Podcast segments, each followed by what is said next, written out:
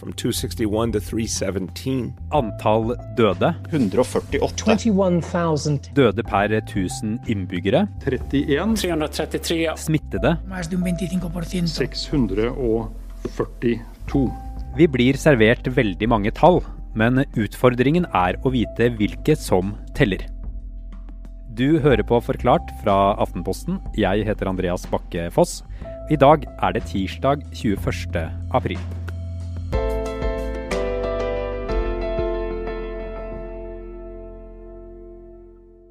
Universitetet Johns Hopkins i USA har vært en av de mest siterte kildene de siste ukene. Hvis du går inn på koronaoversikten på nettsidene deres, så kommer du rett inn i et verdenskart. På hver side av kartet er det lister som viser tall på smittede i rødt, døde i hvitt og friskmeldte i grønt. Johns Hopkins-tallene gir en kjapp oversikt over utviklingen i tallet på koronadøde og i smittetilfeller over hele verden. Og det er de mest oppdaterte dataene vi har. Problemet er at når man sammenligner antall døde og smittede på den måten der, så sammenligner man ikke nødvendigvis epler og epler. Ofte så blir det epler og pærer. Kollega Øystein Langberg har sett nærmere på tallene vi bruker til å måle koronapandemien rundt i verden. Og når det gjelder smittetall, så er det en åpenbar fallgruve at noen land tester langt flere enn andre land, og dermed får flere påviste smittede. Og så er det også et problem at en kraftig økning i tallet på smittede ofte kan skyldes en kraftig økning i testingen, snarere enn at viruset faktisk sprer seg. Og så skulle man jo tro da at tallet på døde var en mer sammenlignbar parameter, men også her er det betydelige forskjeller mellom land.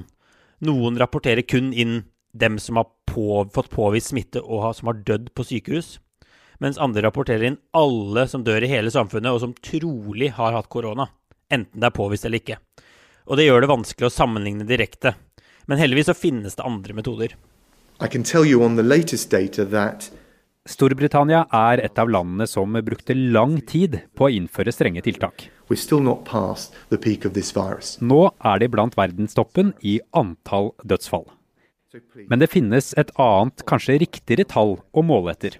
Storbritannia og mange andre land publiserer ukentlige tall over hvor mange som dør i samfunnet totalt. Altså alt fra kreft til bilulykker til hjerteinfarkt, influensa osv. Og, og hvorvidt det nå dør mange flere enn normalt, kan gi en pekepinn på hvor hardt et land er rammet av korona. Eh, og i Storbritannia da, så ser man en kraftig vekst i de totale dødstallene. Uke 14 var faktisk den dødeligste uken i England og Wales siden disse målingene startet i 2005. Eh, og i London, hvis man bare ser på den byen isolert, så er tallene enda mer ekstreme. Der dør det rundt 900 i uka eh, i den perioden vi nå er inne i, men i uke 14 i år så døde det 2500. Dette tallet på døde over gjennomsnittet kalles overdødelighet. Og der finnes det interessante tall fra flere land i Europa. De viser at det er en betydelig overdø overdødelighet i en god del land. Eh, I uke 14 og 15 døde rekordmange i Nederland, f.eks. Eh, og Nederland har tall tilbake til 1995.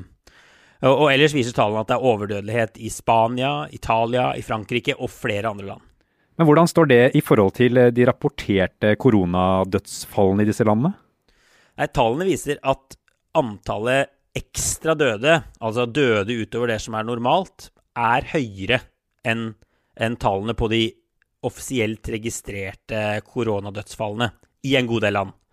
Eh, Så noen eksperter har omtalt de liksom offisielle koronadødstallene som kun toppen av isfjellet.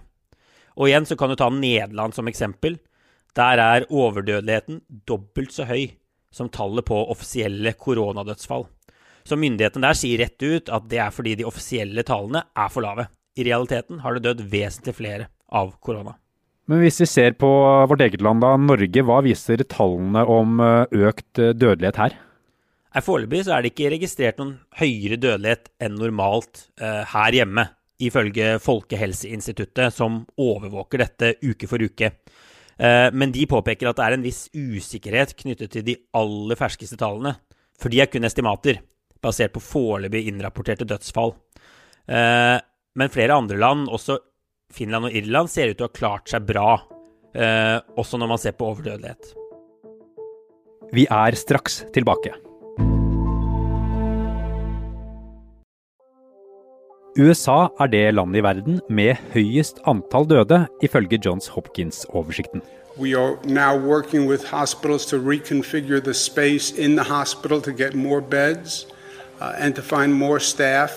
Og New York ble truffet tidlig. Nå blir byen beskrevet som et episenter for utbruddet i landet. Ventilators. Ventilators the piece of and the piece of that is most scarce. We're gathering- Øystein, du er eh, Aftenpostens eh, korrespondent i USA, men du dro hjem fra New York før eh, påske. Hvordan har smitten utviklet seg der siden du dro? Nei, altså jeg forlot et New York som føltes mer som en norsk småby, egentlig, enn den verdensmetropolen det jo normalt er. Uh, og det var ingen god stemning i byen. Selv på de store turistattraksjonene så var det nesten helt folketomt. Litt sånn spøkelsesaktig. Og så viste jo all statistikk da at viruset spredte seg i en voldsom fart, og at tallet på døde økte kraftig fra dag til dag. Og fasiten ble jo, og er jo, at New York City er et av de hardest rammede områdene i verden. Mer enn én av tusen innbyggere er døde som følge av korona. Men det som er positivt, er at det ser ut som om byen nå har lagt det verste bak seg. I alle fall i denne omgang. Ja, hva sier eh, tallene om hvor hardt rammet USA er av eh, dette utbruddet? Foreløpig har det ikke blitt publisert gode og oppdaterte tall for total dødelighet eller overdødelighet i USA som helhet. Men den offisielle opptellingen viser at ø, over 40 000 mennesker er døde av korona. Og USA inkluderer også nå sannsynlige koronadødsfall i disse tallene. Men så gjenstår det egentlig da å se om det er store mørketall i USA, sånn som vi har sett i noen andre land. Her i Norge snakker vi mye om Sverige. Våre myndigheter sliter dag og natt. Også i resten av verden gjør de det. Og mange, mange andre mennesker med viktige yrken holder oppe vårt land. Men et helt annet land passerte i forrige uke Spania og Italia i dødsfall per innbygger. Goedemorgen iedereen, bonjour tout le monde. Samtidig er det nesten ingen som snakker om Belgia. Aftenpostens kommentator Andreas Slettholm har sett på hvorfor ikke. Ja, Det er nok litt fordi det er vanskelig å komme med noen sånn enkel og klar analyse om koronasituasjonen i Belgia. Og så har det kanskje litt med at Belgia kanskje ikke er så veldig spennende i utgangspunktet. da. Det er som et land som er litt sånn gir få umiddelbare assosiasjoner og har liten eh, populærkulturell innflytelse. og Det er nok ikke sånn at folk går rundt og lurer på hva som skjer i Belgia sånn, sånn til hverdags.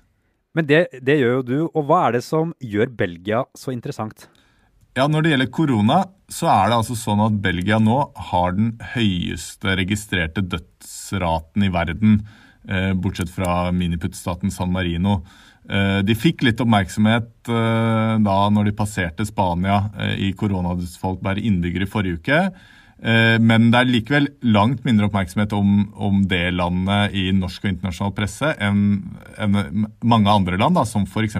Sverige. Det er kanskje naturlig at nordmenn snakker mye om Sverige, men også i utenlandske medier så er Sverige mye mer interessant enn Belgia, selv om eh, Belgia er mye hardere rammet. Ja, hvorfor har de så høye dødstall? Belgierne selv er opptatt av dette med registreringsmetoden sin. De, de inkluderer eh, altså alle mistenkte dødsfall eh, på sykehjem, som er, står for en veldig stor eh, andel. Altså, det vil da være koronadødsfall som ikke kommer etter eh, testing, eh, sånn som det gjøres i de fleste andre land. Og eh, jeg tror nok ikke at den forskjellen mellom f.eks. Norge og Sverige og Belgia er så stor, men de har nok rett i at f.eks. nabolandet Nederland ville hatt mange flere koronadødsfall hvis de hadde regnet på samme måte som eh, belgierne gjør. Vi snakket med Øystein om dette med overdødelighet. Hvordan ser det ut i Belgia? Ja, nei, registreringsmetoden er ikke hele forklaringen på Belgias eh, høye tall. Eh, overdødelighet tar jo nettopp, et, eh, tar jo nettopp eh, høyde for dette, at eh, det kan være forskjellige måter å måle det på. Og eh, de tallene viser også at Belgia er veldig hardt rammet. Og så er spørsmålet da hvorfor det er sånn akkurat i Belgia, og det er eh, da det blir eh, klart at det ikke er noen sånne åpenbare, enkle svar som man kanskje er på jakt etter. Eh, Belgia var forholdsvis tidlig ute med tiltak, og, og epidemien kom til landet ja, ikke noe tidligere enn til Skandinavia f.eks., og de stengte ned mer enn mange andre land. sånn at da blir det litt sånn spekulasjoner da, hva, hva som gjør at Belgia er så hardt rammet. Om det kan ha noe med kulturelle forhold å gjøre, antibiotikaresistens, eller hvordan helsevesenet er organisert, eller det er et forholdsvis uh, lite land med altså en uh, høy innbyggertetthet, eller hvordan politikerne har kommunisert og fått folk til å forstå alvoret og sånne ting. Men det som i hvert fall er sikkert, er at Belgia har hatt en stor epidemi på sykehjemmene sine, som har uh, forårsaket mange av koronadødsfallene i landet. Det er naturlig at vi alle sammen prøver å forstå det som skjer nå. Vi leter etter svaret på hvorfor dødsraten er så forskjellig mellom land, hvorfor tiltakene varierer, og hvordan det kommer til å gå fremover. Problemet er at alt dette er veldig usikkert, og det understreker jo alle fagfolk hele tiden.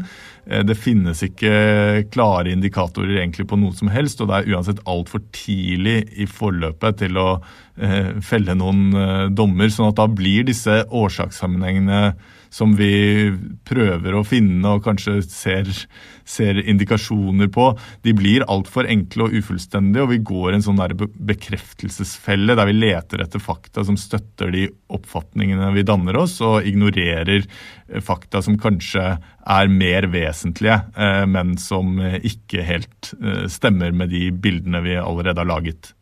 Andreas, vi har eh, snakket mye om overdødelighet. Hvordan er den måten å regne dødsfall på sammenlignet med andre metoder?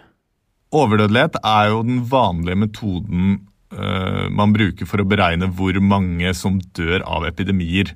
Uh, Fordelen er at du ikke er avhengig av kliniske tester, og det har man jo vanligvis ikke f.eks. når man regner influensadødsfall. Da, da ser man på hvor mange som i løpet av en sesong har dødd eh, i forhold til normalen, og så blir det, hvis det er 1500, så blir det det offisielle dødstallet for influensa det året.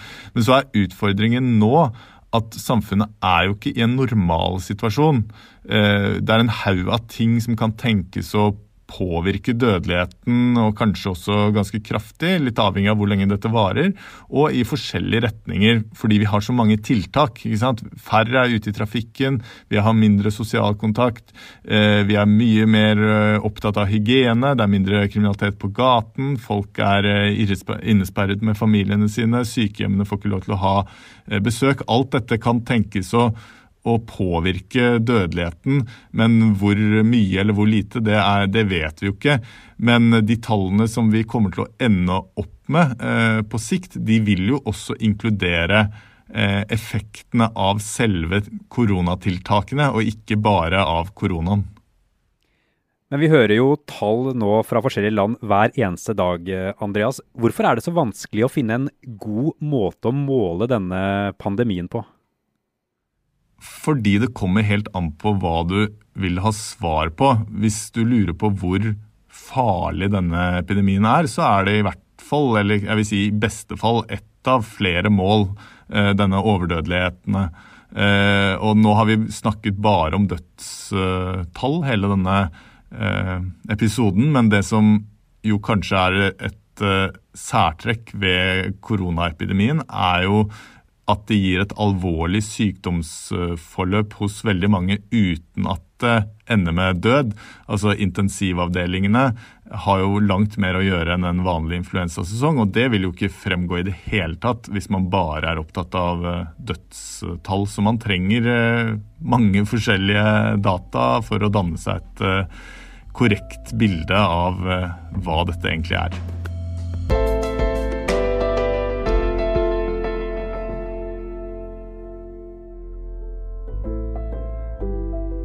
Forklart lages av Caroline Fossland, Anne Lindholm, Fride Næss Nonstad, Kristoffer Rønneberg og meg, Andreas Bakke Foss. I denne episoden har du hørt lyd fra nyhetsbyrået AP, VGTV, Aftonbladet og den belgiske regjeringen.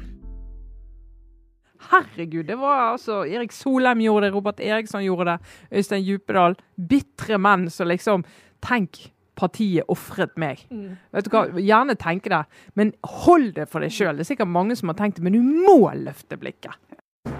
I Aftenpodden går vi gjennom det største og noe av det minste fra norsk politikk og samfunnsdebatt den siste uka. Det er Line Eilertsen, Lars Klomnes og Sara Sørheim hver torsdag. Last oss ned der du finner podkastene dine.